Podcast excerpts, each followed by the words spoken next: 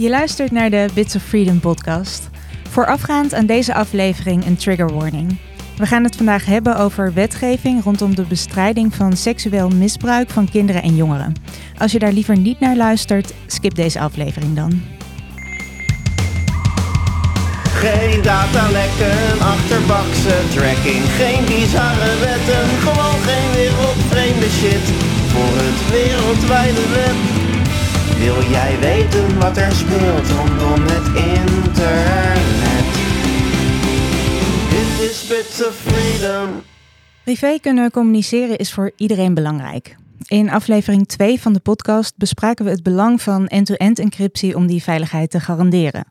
De Europese Commissie wil met een nieuw wetsvoorstel technologiebedrijven dwingen om mee te kijken met je chats.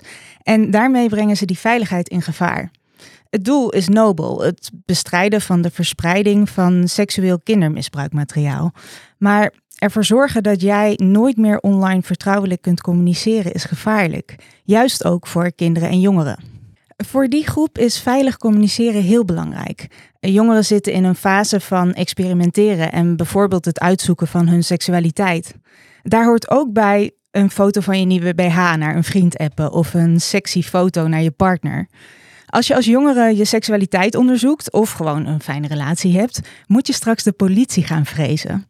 Door de nieuwe Europese regels legt Europol, de Europese politiedienst, straks een enorme database aan van dit soort blootfoto's, die dan ineens als mogelijke porno geclassificeerd worden. En dan noem ik nu nog maar één categorie. Wat te denken van oma die een foto van kleindochter in bad doorstuurt, de kids in hun blootje op het strand, een foto van genitale uitslag die even naar de dokter wordt geappt. Het klinkt erg creepy als er straks allemaal mensen mee kunnen kijken met de uitwisseling van dit soort foto's. En het criminaliseert iets dat volstrekt onschuldig is. Dus vandaag praat ik met Reo Zenger. Hoi Reo. Hallo. En Evelyn Austin. Hi Evelyn. Hoi. Over hoe dit voorstel kinderen en jongeren niet helpt. En over wat experts zeggen dat wel nodig is. Mijn naam is Inge Wanet. Welkom bij de Bits of Freedom podcast.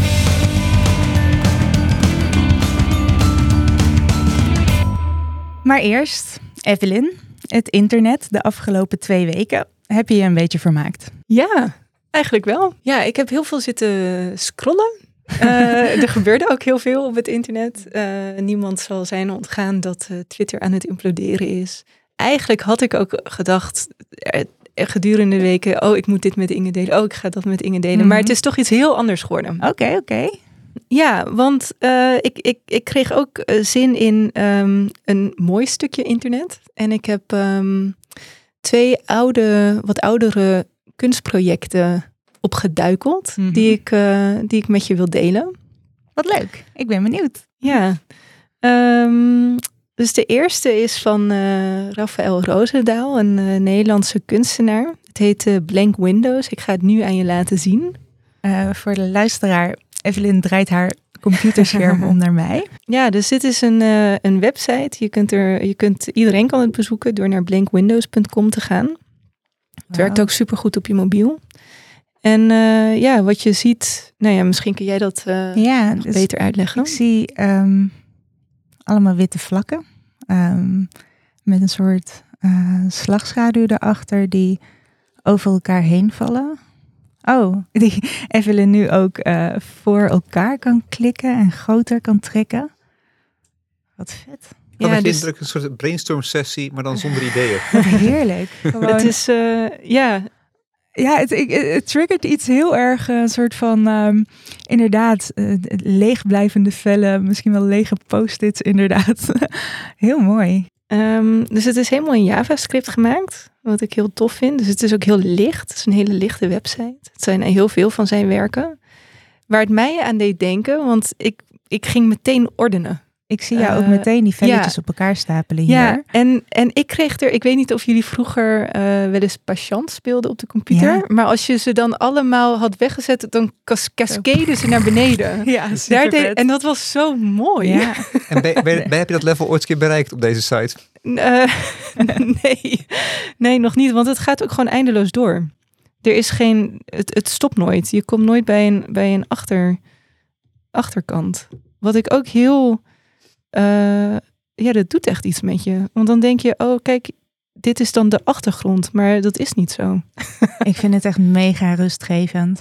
Dus ik krijg ehm, eh, op mijn Instagram krijg je van die suggesties van reels. En ik, Mhm. eh, laatst vertelde iemand mij dat dat een soort van inkijkje is in wie je daadwerkelijk eh, bent. Oh ja. En als ik die open, dan komen er een soort van allemaal hele rustgevende filmpjes van. ehm, ja, een soort van schuim wat in potjes wordt Oh, gedaan. ja, een ja. soort van. Oh, heerlijk. eh, allemaal rustgevende beelden. En Ja. daar, dus dit, dit past daar voor mij heel erg tussen. Snap Gewoon ik. Ja, Rustgevend. nou dan heb ik er nog eentje die je heel leuk gaat Oh, vinden. wat fijn. Kom maar op. Dus de volgende komt eh, ook uit 2016, volgens mij ongeveer. Die is van eh, Jan-Robert Leegte en die heet Compressed Mountains. Wauw. compressedmountains.com. Ehm, en eh, ja, alles wat dit doet is ehm, zoeken eh, eh, naar plaatjes van bergen op het internet. En die door een JPEG compression algoritmetje halen. Waardoor je ehm, dit soort enorme ja, gepixelde landschappen krijgt. Ja, want even voor de luisteraar. Ik zie op Evelyn's scherm nu dus inderdaad, ik, ik herken wel bergen en wolken, maar ja, het is, het is mega gepixeld. Het is eigenlijk een soort van hele matige afbeelding van een berg. Het is, Ehm, het is, maar ja, heel het, mooi. Het wordt heel abstract. Ja? Ehm, hij ververst elke, volgens mij 15 of 13, 30 seconden. Eh, maar we kunnen het ook zelf, eh, zelf doen. Oeh, en, die is ook ehm, mooi. En, en de ene keer is het wat abstracter da- dan de andere keer. Ehm, ik moest aan dit werk denken omdat Jan Robert ehm, een paar weken geleden ehm, een eh, selectie eh, NFT-werken heeft gemaakt. Mhm. Uh, die ook spelen met eh, JPEG compression, ehm, maar daar op basis van kleurvlakken, waardoor je een soort hele ja, digitaal vervormde soort Mark Rothko-achtige ehm, werken krijgt. En dan nog geabstraheerder dan dit, denk ik, of niet? Ja, Want, want daar, eh, dus daar haalt hij geen eh, figuratief, figuratieve afbeeldingen op als, als startpunt, maar twee verschillende kleurvlakken. Um, en dan is de compressie uh, vindt plaats op het moment dat de NFT gemint wordt. Nou ja, ik weet dat iedereen NFT's haat, dus dat heb ik niet uitgezocht om het over te hebben. Dank je Ik vind het prachtig. Maar het deed me ook weer aan dit werk denken, wat uh, ooit bij het, uh, in het Van Gogh Museum um, tentoon is gesteld. Ik snap ook wel een beetje waarom. Heel erg mooi. Ik ga sowieso deze sites vanavond constant verversen. En voor de luisteraars zullen we even de links naar zowel de kunstenaars als naar de kunstwerken zelf in de show notes zetten. Dat zijn de aantekeningen bij deze aflevering op onze website. Um, zodat iedereen er ook zelf van kan genieten. Dankjewel voor het delen, Evelyn. Alsjeblieft. Reo, ik noemde het al even kort in de inleiding. We gaan het hebben over een nieuw uh, Europees wetsvoorstel. Favoriet onderwerp? Je favoriete onderwerp. Um, kan je me vertellen, wat staat er nou in de wet uh, over wat er straks met de betrekking tot het rapporteren van die foto's uh, van techbedrijven verwacht wordt en, en hoe dat in zijn werk zal gaan? Dat kan ik wel uitleggen. Dank je. um, het is uh, eigenlijk heel eenvoudig als platformen op hun platforms, of platformen, nee, ik weet niet, hoe zeg je dat eigenlijk? mag het allebei. Mag het allebei. Waar zal ik voor gaan? Platforms. Platforms. Um, als ze op platforms, als ze daar op hun eigen platforms materiaal tegenkomen van seksueel misbruik van kinderen, denk aan bijvoorbeeld aan video's of uh, foto's bijvoorbeeld, dan moeten ze dat rapporteren aan een nieuwe instantie. Die nieuwe instantie heet het EU-center. Um, en eigenlijk is dat stiekem gewoon een soort um, extra afdeling van Europol, mm -hmm. want dat gaat in hetzelfde kantoorgebouw zitten. Dat is gewoon eigenlijk gewoon exact hetzelfde. Um, uh, en die af, die, die, dat EU-centrum moet vervolgens gaan beoordelen of het potentieel misbruik van kinderen is. En als men uh, niet zeker weet dat het geen misbruik is, dan moet het doorgestuurd worden naar Europol en naar de nationale politie. Um, dus dat, daar begint het dus bij de, bij de platformen en dat komt dan terecht bij uh, Europol en de politie. Oké, okay, dus Platforms beoordelen die afbeeldingen al? Gebeurt dat met de computer of door mensen? Goeie vraag. Um, nou, om te beginnen gebeurt dat sowieso heel vaak met de computer. Dus men gebruikt kunstmatige intelligentie om die afbeeldingen te vinden. Dus, die, dus dan, wordt, dan wordt het, dan wordt het uh, aangemerkt als potentieel misbruik. Uh, dan kan het zijn dat daar mensen naar kijken om dat te beoordelen. Um, maar op het moment dat er dus enige twijfel over is of het dat misschien zou misbruik zou kunnen zijn, dan wordt dus, moet het dus gerapporteerd worden aan het EU-center. Maar dat zal vrij snel gebeuren, denk ik toch? Anders leg je wel een hele grote verantwoordelijkheid bij zo'n platform. Dat is één ding. En bovendien uh, zullen die platformen dat zeker uh, sneller melden, of liever melden dan niet melden. Want op het moment dat ze dat niet doen, dat is natuurlijk een groot imago-risico uh, mm wat ze dan lopen.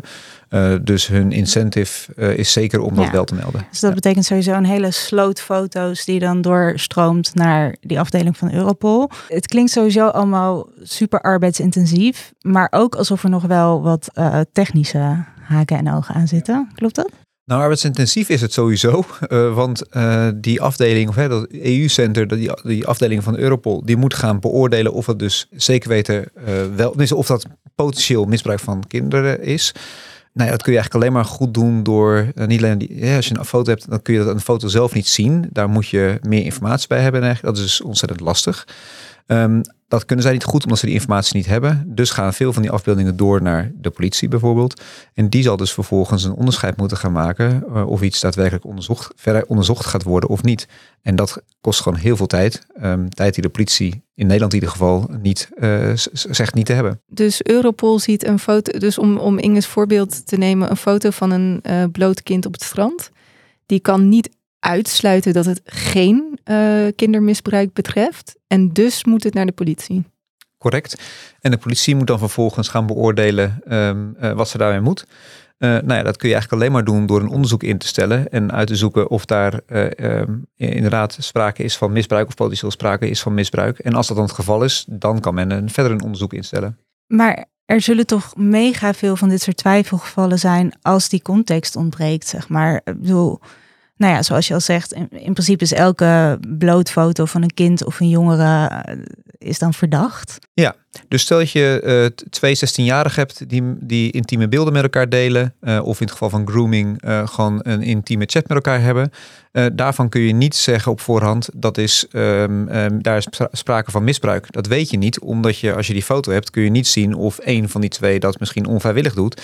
Of dat ze het allebei gewoon, eh, gewoon een fijne relatie hebben. Of ze heel, heel, gewoon uit, uit vrije wil doen. Dat kun je dus alleen maar achterhalen door die context erbij te zoeken. Nou ja, en, en dat, dat is veel werk. Want dat betekent dat de politie dan vervolgens informatie moet gaan opvragen bij een platform bijvoorbeeld. Ja, want precies, want context erbij zoeken in een, in een chat betekent dan dus niet alleen de beelden, maar ook de teksten erbij, De historie. de zeker. historie en daar dan uit afleiden of, of dit een vrijwillig eh, Ja. contact is. Maar die context die wordt niet meegestuurd standaard. Ehm, zoals ik het voorstel lees, zou ik dat niet verwachten, nee. Dus er wordt, er wordt een melding gemaakt, daar zal de foto bij zitten. Daar zal misschien ook wel iets van details van de gebruiker zijn. Het tijdstip, welke, welke loginnaam werd gebruikt. Hè, dus welke gebruiker was het. Ehm, maar ik zie niet in hoe, de, hoe zo'n platform dan opeens heel veel meer informatie kan delen. Hm. Ehm, ehm, en de- dat betekent dus dat het EU-center eh, daar eigenlijk te weinig informatie heeft om daar een goede eh, eh, keuze in te maken. Er is dus naast dat dit technisch allemaal eh, heel lastig wordt en dat de zedenpolitie sowieso al overbelast is, dus ook kritiek op hoe het voorstel daadwerkelijke slachtoffers van online misbruik gaat schaden. Kan je die kritiek toelichten? Nou ja, weet je, ik denk dat ehm, ehm, eh, iedereen, eh, maar ook kinderen en jongeren in het, eh, in het algemeen, maar ook nog eens een keertje juist die slachtoffers hebben gewoon baat bij ehm, een, communicatiekanaal om met anderen te spreken wat veilig is. Stel dat jij, eh, stel zo'n kind misbruikt is en dat kind dat schaamt zich daarvoor misschien. Die wil, ehm, eh, die is misschien uiteindelijk zover om dat met iemand te delen. Die heeft een vertrouweling, misschien een, een vriend of iets dergelijks om dat mee te delen of iemand anders. Dan ehm, eh, is het voor iemand fijn als hij daar een laagdrempelige en veilige manier voor heeft. Nou ja, dat zou misschien WhatsApp kunnen zijn. Maar dat kun je alleen maar doen op het moment dat je zeker weet dat, die, ehm, ehm, dat dat middel veilig is. Op het moment dat je er niet meer vanuit kan gaan dat niemand meeluistert. Ja, dan als je, als je daar bang voor moet zijn, dan ga je natuurlijk terughoudend zijn met dat signaal delen. Ehm, Maar die stap is wel de eerste stap die zo iemand moet zetten om überhaupt uh, bij hulp terecht te komen. Dus dat betekent dat als, als het voorstel van de Europese Commissie van kracht wordt en um, we verzwakken dit soort veilige kanalen, um, dat slachtoffers niet meer uh, gemakkelijk um, uh, hun hart op een veilige manier kunnen luchten. Ja, dat lijkt me sowieso een hele gevaarlijke bijwerking ook van zo'n nieuwe wet. Iets anders wat ik me ook bedacht, is dat function creep ook heel erg op de loer ligt, toch? Dus dat zo'n techniek gebruikt gaat worden voor doelen waar het nu helemaal niet voor bedacht is. Houdt de wet daar rekening mee? Nou ja, zoals met, vaak met dit soort voorstellen wordt het natuurlijk voor één specifiek doel ingericht. Uh, maar dat, dat staat natuurlijk niet in de weg om later een wet te introduceren die dat, die, die, de, dat verbreedt, zeg maar. Mm -hmm.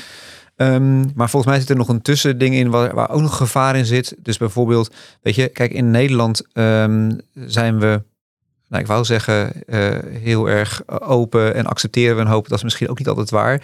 Maar van de overheid heb je misschien niet zo heel veel te vrezen. Maar mm -hmm. dit regelgeving, die gaat ook in Polen of in Hongarije gelden.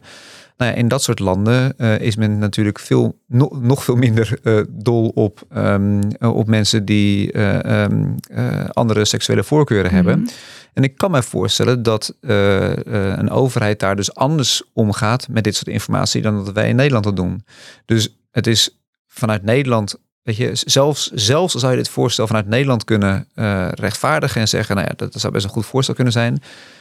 Is het denk ik ook super belangrijk om na te denken over alle andere lidstaten waar dit wordt geïntroduceerd, waar diezelfde regels gaan gelden, maar waar de uitwerking voor, um, uh, voor kwetsbare groepen uh, echt een andere gaat zijn dan hier. Ja, en waar zo'n context waar je het over had ook weer heel anders uh, geïnterpreteerd wordt. Ja.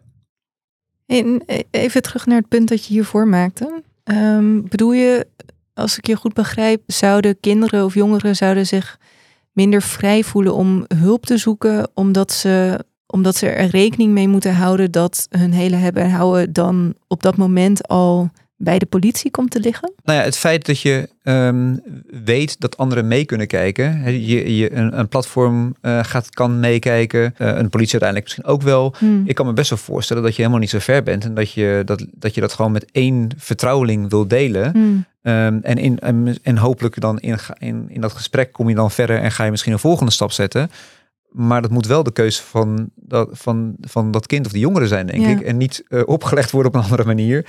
Um, en ik denk ook dat, uh, hè, daar hebben we natuurlijk in ons werk heel vaak over. Op het moment dat jij gevoel hebt dat je wordt bekeken, dan ga je je anders gedragen. En dat mm. lijkt mij in zo'n situatie wat super gevoelig is, waar iemand misschien zich heel erg voor schaamt of heel erg onzeker over is, lijkt me dat risico alleen maar nog groter. Want uh, ik snap dat argument heel goed, zeker als het om volwassenen gaat. Uh, je wilt dat uh, iemand pas naar een hulpverlener, wie dat dan ook is, stapt als die persoon er klaar voor is. Bij kinderen kan ik me voorstellen dat je daar misschien net anders in staat. Vraagteken. ik denk, ik wacht even op jouw vraag.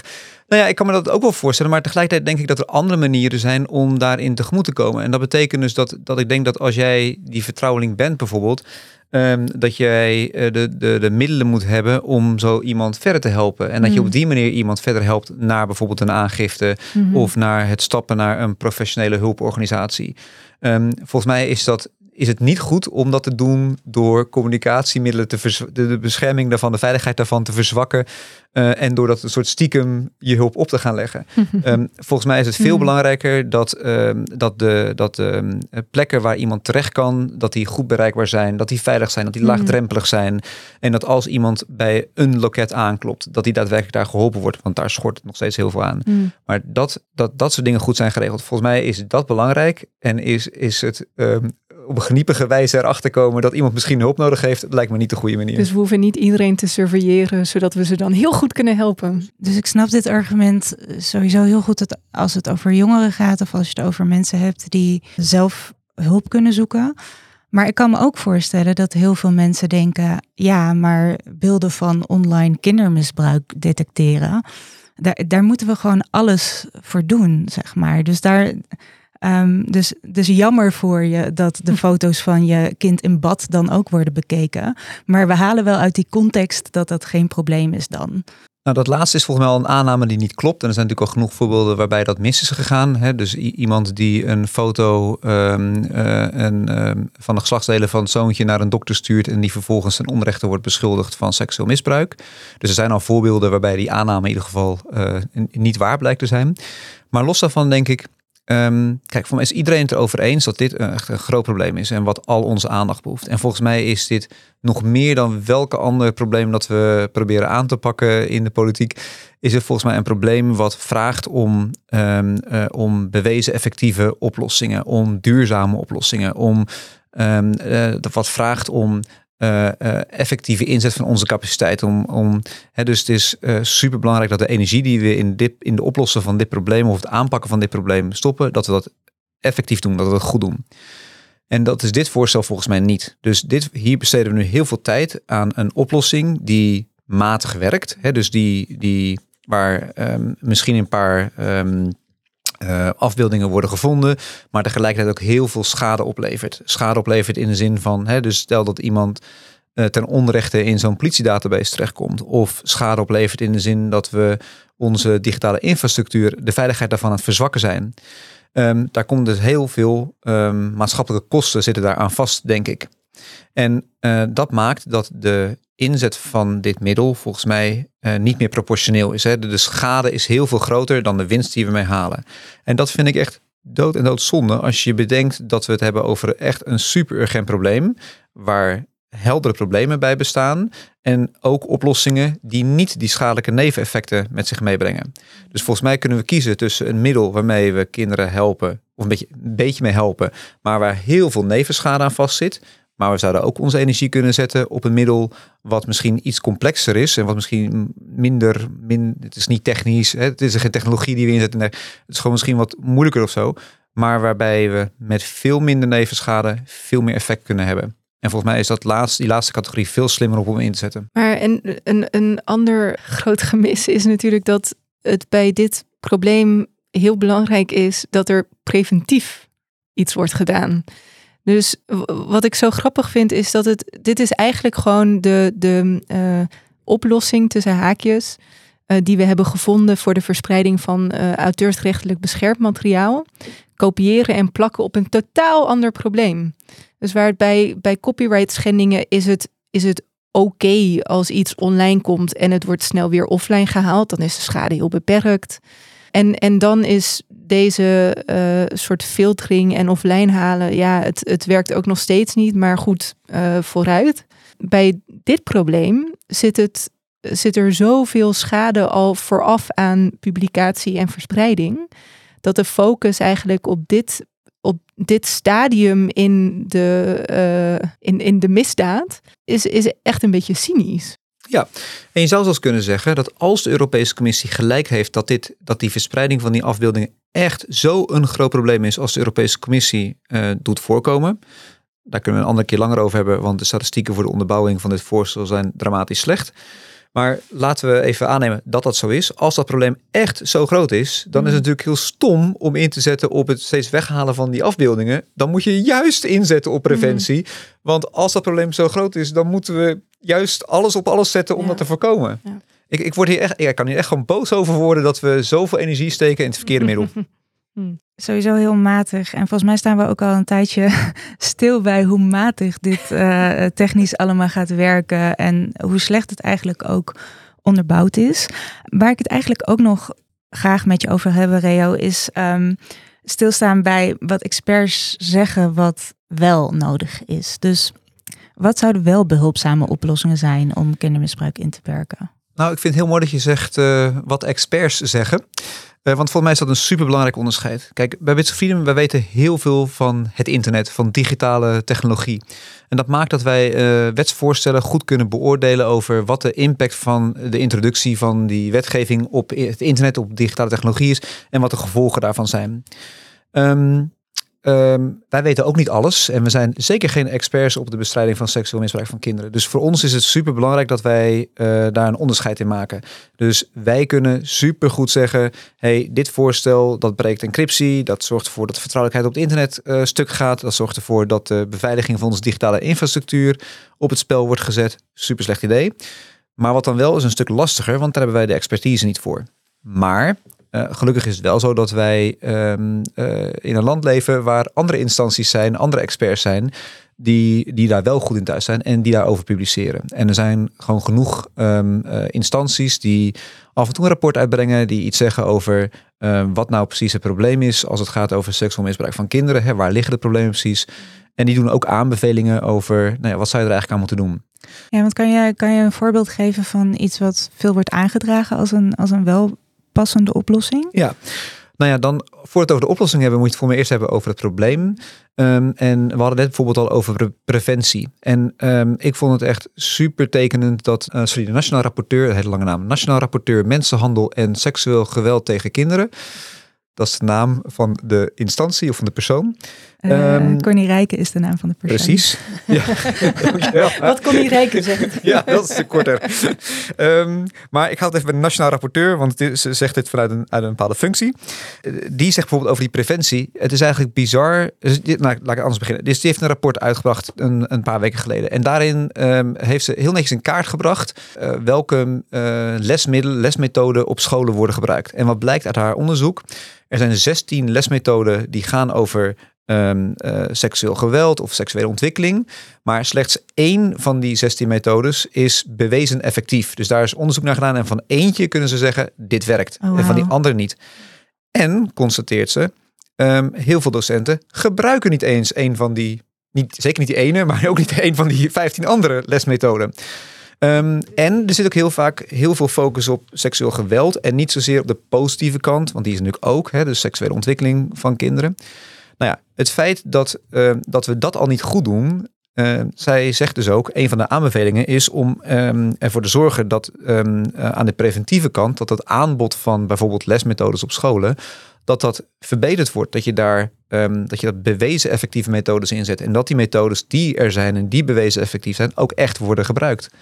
Ehm, en volgens mij ben je dan, nou ja, precies waar we het net met Ef- wat Evelyn net noemde, eh, ben je dan bezig met de preventie, ervoor zorgen dat het in de toekomst veel beter gaat. En daarmee help je volgens mij kinderen veel beter. En dat zijn dan lespakketten, zodat docenten op basisscholen of middelbare scholen in de klas seksualiteit of seksueel misbruik eh, ter sprake kunnen. Ja. ja. Ja, dat gaat daarover. Hm. En ik vind, ik vind dat dat is de eerste, eh, een van de eerste problemen die ze in het rapport benoemt. Of in, in, de, in de monitors, zoals dat ding heet.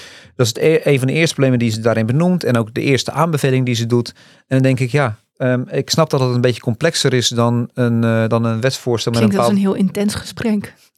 Hoe bedoel je? Nou, om, om zo'n...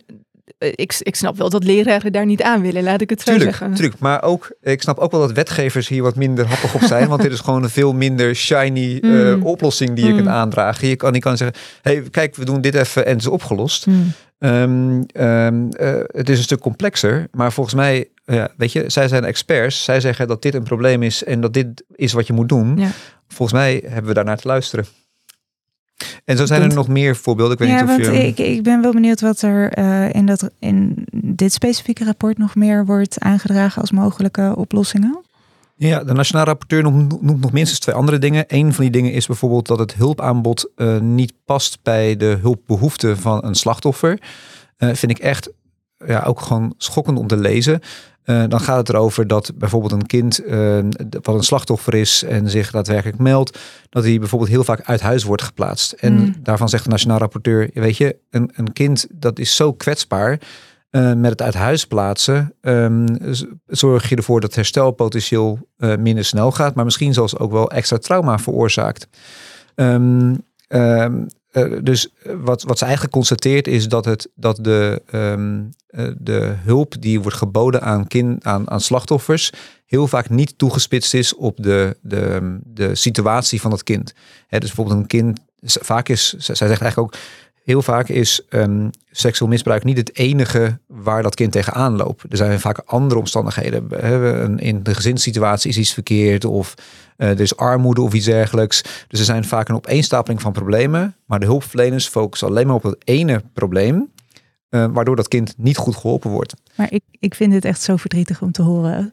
Sorry, zeg maar een kind wat dan zo in de shit zit. ehm, en in dit rapport staat, uh, het, het wordt niet, uh, niet toegespitst op het kind. Ik bedoel, dat is toch het nummer één probleem dat dan aangepakt moet worden. Heel heftig. Ja. Ja. Wat zijn de andere aanbevelingen? Nou, nog een ander ding, als in op zich een heel concreet iets, is dat bijvoorbeeld, um, uh, zij zegt ook um, dat de, um, nou moet ik even goed nadenken hoe het precies heet, de forensisch medische onderzoek, FMO volgens mij, uh, dat dat niet goed geborgd is. Dus uh, dat, dat is eigenlijk het onderzoek wat de, stel dat een slachtoffer aangifte doet, Um, en um, stel dat het gebeurt vlak nadat er misbruik heeft plaatsgevonden, dan moet zo'n kind onderzocht worden, mm -hmm. um, lichamelijk onderzocht worden. En dat is natuurlijk een super ingrijpend onderzoek. en daar zijn specialisten voor. Uh, daar, heb je, daar, daar, is een, uh, daar zijn speciale protocollen voor. Dat is allemaal speciaal geregeld. Alleen um, wat zij constateert, dus die nationale rapporteur constateert dat dat niet um, uh, duurzaam geborgd is. Met andere woorden, ergens in dit jaar stopt de uh, ondersteuning daarvoor. En uh, daarna hebben we misschien gewoon tekorten aan mensen die dat onderzoek goed kunnen doen. Nou ja, zo'n onderzoek is echt gewoon super belangrijk, omdat bijvoorbeeld een kind niet in staat is om het hele verhaal te vertellen. En met dat onderzoek je potentieel meer kanten van het misbruik boven tafel kan krijgen. Um, uh, het is belangrijk voor bewijsvoering. Er zijn heel veel redenen waarom het belangrijk is. En het is gewoon, ja, ik vind het echt gewoon maar, verdrietig. Of ik, ja, ik weet niet, ik kan er boos over worden. Waar, waar, ligt dit, waar ligt dit dan dat dit niet goed geborgd is, zeg maar? Wat... Dat, dat weet ik ook niet precies. Dat zullen we de nationaal rapporteur maar eens ja. moeten vragen.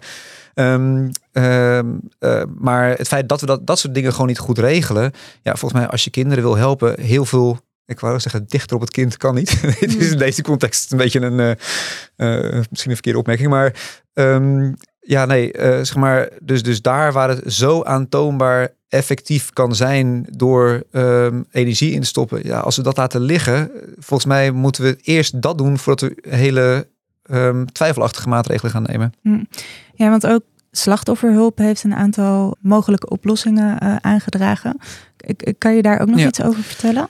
Nou ja, slachtofferhulp noemt één ding wat de Nationaal Rapporteur trouwens ook noemt. Namelijk dat er een, uh, een hele um, weerwar van loketten is aan plekken, zeg maar, plekken waar een slachtoffer terecht kan.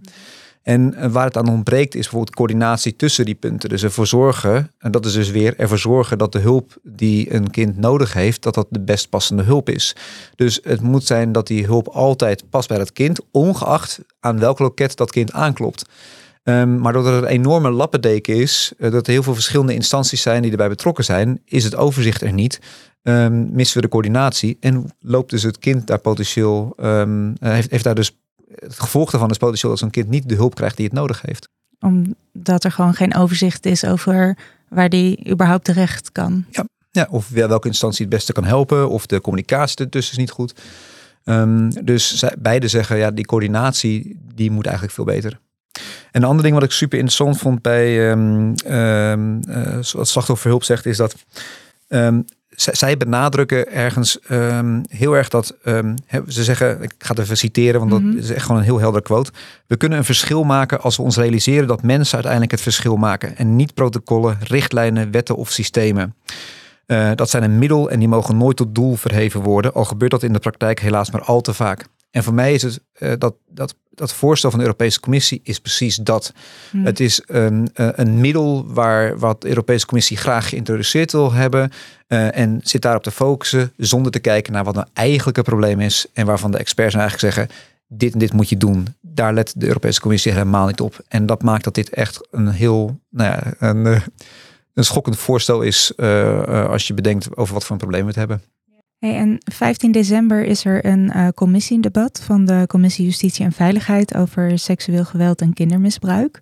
Wat zou jij nog hierover mee willen geven? Ja, dat is een hele goede vraag en ook best wel een lastige of een complexe. Want kijk, dat voorstel dat is van de Europese Commissie. En dat wordt dus op dit moment besproken door de Europese Commissie, het Europese Parlement en de Raad. Eh, de Raad en de vertegenwoordiging van de regeringen van alle lidstaten. Oh, inclusief Nederland. Dus daar moeten we echt zijn voor wezenlijke veranderingen aan het voorstel of voor het laten vallen van het voorstel. Uh, dat wil niet zeggen dat de Tweede Kamer geen rol heeft. De Tweede Kamer zou eigenlijk de Nederlandse regering echt gewoon ehm, achter de vodden aan moeten zitten. Want die Nederlandse regering die ehm, doet die onderhandelingen in, in Europa. En die heeft daarbij een hele lakse houding aangenomen in, in mijn optiek. Zij zegt, het kabinet zegt namelijk in een brief aan de, aan de Tweede Kamer dat ze een vragende, maar kritische houding aanneemt. En ja, ik weet niet wat ik onder een vragende houding moet verstaan in deze context. Het klinkt niet als een hele, hele scherpe ehm, ehm, eh, houding. Eh, en dat vind ik echt, ja, we, eh, volgens mij mag duidelijk zijn. Ik vind dat echt heel erg ehm, vanwege de risico's aan het voorstel, maar ook om het uiteindelijke doel van dit wetsvoorstel, namelijk kinderen beschermen.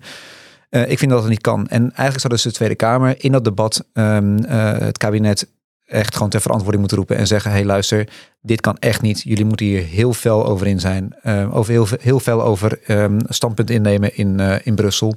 En ervoor zorgen dat het wetsvoorstel of heel erg wordt veranderd en heel erg wordt verbeterd.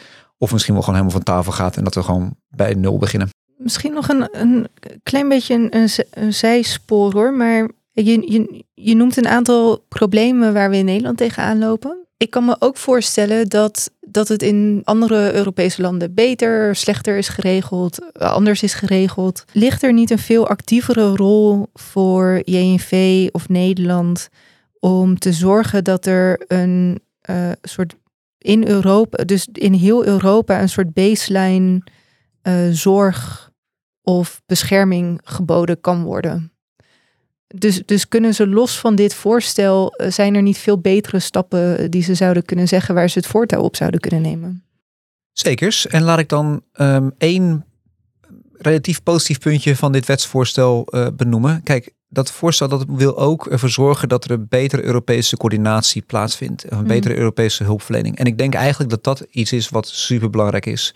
Uh, nee, dat kan en zou eigenlijk daar het voortouw in moeten nemen, uiteraard. Um, maar in zijn algemeenheid geldt, ik denk dat het heel goed zou zijn als we in heel Europa kijken naar wat is nou de situatie echt, waar zijn, waar, wat zijn nu echte problemen en wat zijn de dingen die we op Europees niveau kunnen slash moeten regelen. Mm -hmm. Dat geldt voor het beleid, hè, dus voor het maken van die wetgeving, uh, maar dat geldt ook voor de lager onder.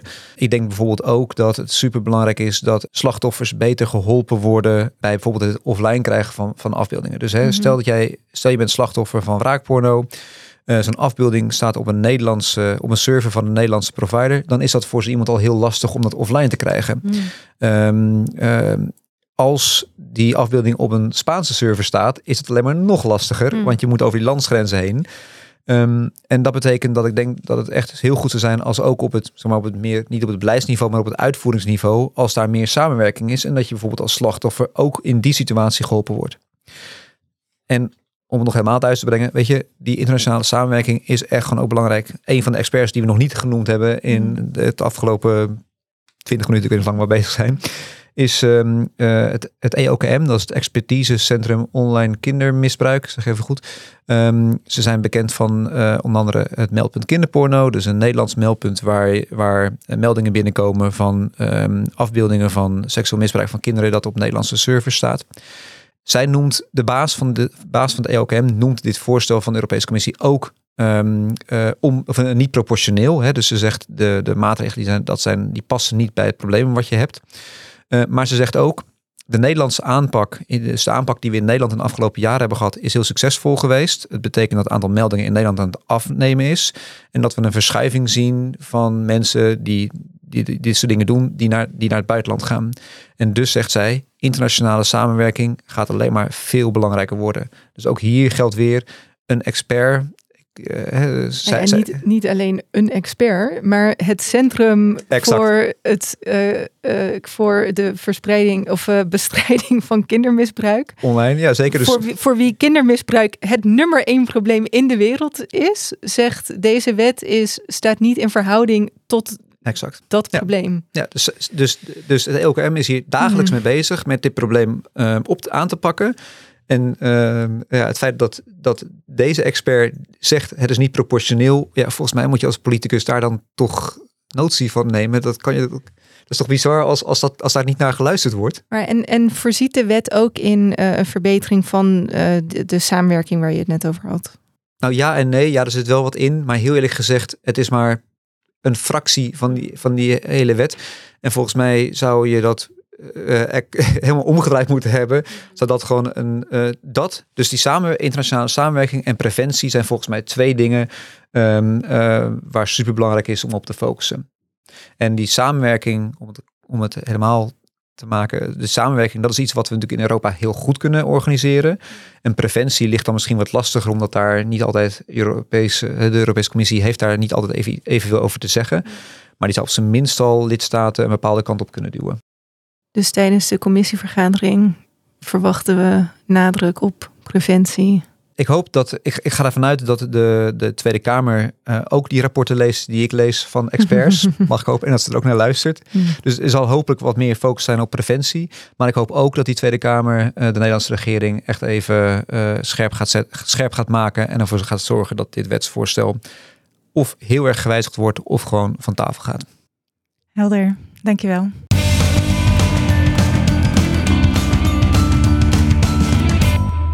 We sluiten de podcast elke week af met een telefoontje naar iemand met een bijzondere kijk op het internet. Vandaag bel ik met D66-Kamerlid Lisa van Ginneken. Zij besloot onlangs te stoppen met Twitter. Onder andere om de haat die zij op het platform over zich heen krijgt. En omdat ze als politica niet meer mee wil doen aan de polariserende dynamiek van Twitter. Het is natuurlijk verschrikkelijk jammer dat het zover heeft moeten komen. Want het is mooi dat politici zo bereikbaar zijn en openstaan voor gesprek. Maar ik vind de keuze ook heel begrijpelijk. Ik ben benieuwd wat zij erover te zeggen heeft. Hallo. Hoi Lisa, hoi. Ik belde jou inderdaad uh, voor onze uh, podcastaflevering. Ik zou uh, graag drie korte vragen aan je willen stellen over jouw afweging om te stoppen met Twitter. Zullen we daar meteen induiken? Ja, helemaal goed. Nou, allereerst vroeg ik me af, was het voor jou een moeilijke afweging om te stoppen met Twitter?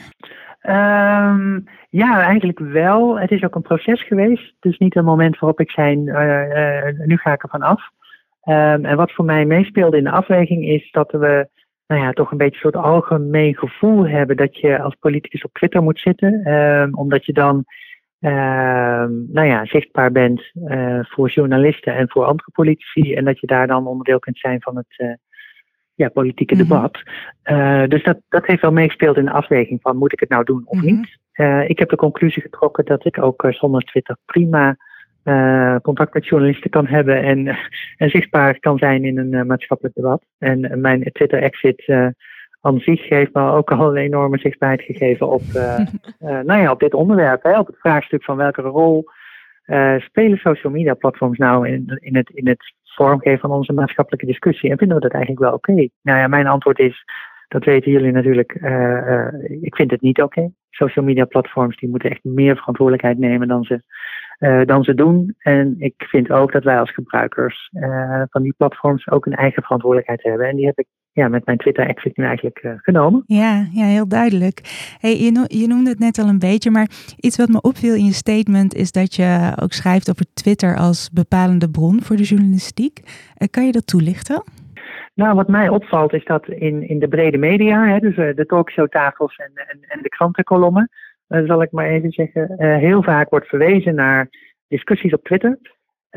Dat zowel de onderwerpen waar op Twitter over gediscussieerd wordt, als ook de toon waarop er over gesproken wordt op Twitter, die, die, die zijpelt door naar de, nou ja, naar de brede media. En daarmee is dus die polariserende structuur van Twitter, want Twitter is natuurlijk gebouwd om te polariseren, want het houdt mensen aan het platform gebonden en dat is goed voor de inkomsten. Uh, ja, die polariserende structuur die wordt ook gewoon gemeengoed in onze brede media. En daarmee uh, ja, spelen de brede media een rol in het, uh, in het polariseren in onze samenleving. En dat vind ik nou ja, wel een reflectie waard door, door de media. Ja, zeker. Hey, en um, om af te sluiten, het is natuurlijk allemaal nou ja, nog, nog heel vers en heel kort dat je gestopt bent. Maar bevalt je keuze tot nu toe? En waar kunnen we je als wel, alsnog wel volgen of vinden? Um, nou, ik ben sowieso te volgen in uh, de podcast van Bits of Freedom. um, en uh, uh, nee, ik zit ook op, op LinkedIn en op Instagram ben ik actief. en nou ja, dat, dat, Instagram is natuurlijk ook wel een platform waar je iets van kunt vinden. Dat geldt eigenlijk voor de meeste social media platforms. Ja. Um, maar nou ja, ik ben. ik, ik had in mijn statement ook aangegeven vooralsnog blijf ik op de andere social media kanalen actief. Ja. Uh, want het onderwerp, het onderwerp houdt, me, houdt me wel bezig. En uh, ik merk wel ook dat mijn Twitter-exit um, ja, ook een beetje als een opluchting voelde. Ik krijg ook heel veel reacties van mensen uh, die tegen mij zeiden wat, wat, wat dapper en ik ben een beetje jaloers.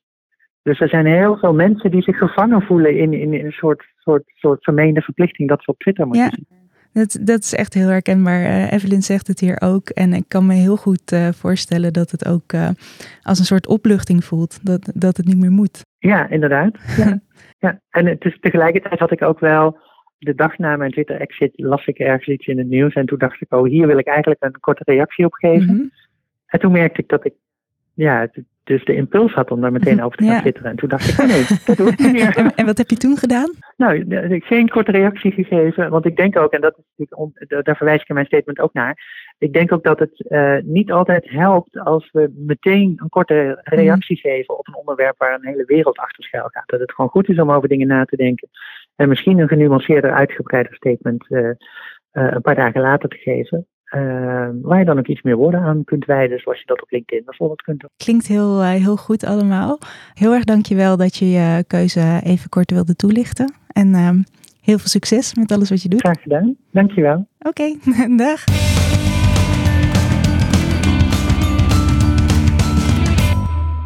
Deze podcast werd gemaakt door Bits of Freedom. Je hoorde mij, Inge Wanet, onze awesome directeur Evelyn Austin en niemand minder dan Reo Zenger. We belden in met Lisa van Ginneken. Onze jingle werd gemaakt door Tim Koehoorn en de podcast werd geproduceerd en geëdit door Randal Pelen van YOLO Media. Veel dank aan onze donateurs en natuurlijk aan jou, de luisteraar. Wil je ook onderdeel zijn van onze beweging? Ga dan naar onze website en doneer. Abonneer je op onze nieuwsbrief of meld je aan als vrijwilliger. We doen ook regelmatig oproepen om een vraag in te sturen voor onze podcast. Stuur een keer een vraag in en wie weet hoor je jezelf terug. Geen datalekken, achterbakse tracking, geen bizarre wetten, gewoon geen wereldvreemde shit voor het wereldwijde web. Wil jij weten wat er speelt rondom het internet? Dit is Bits of Freedom.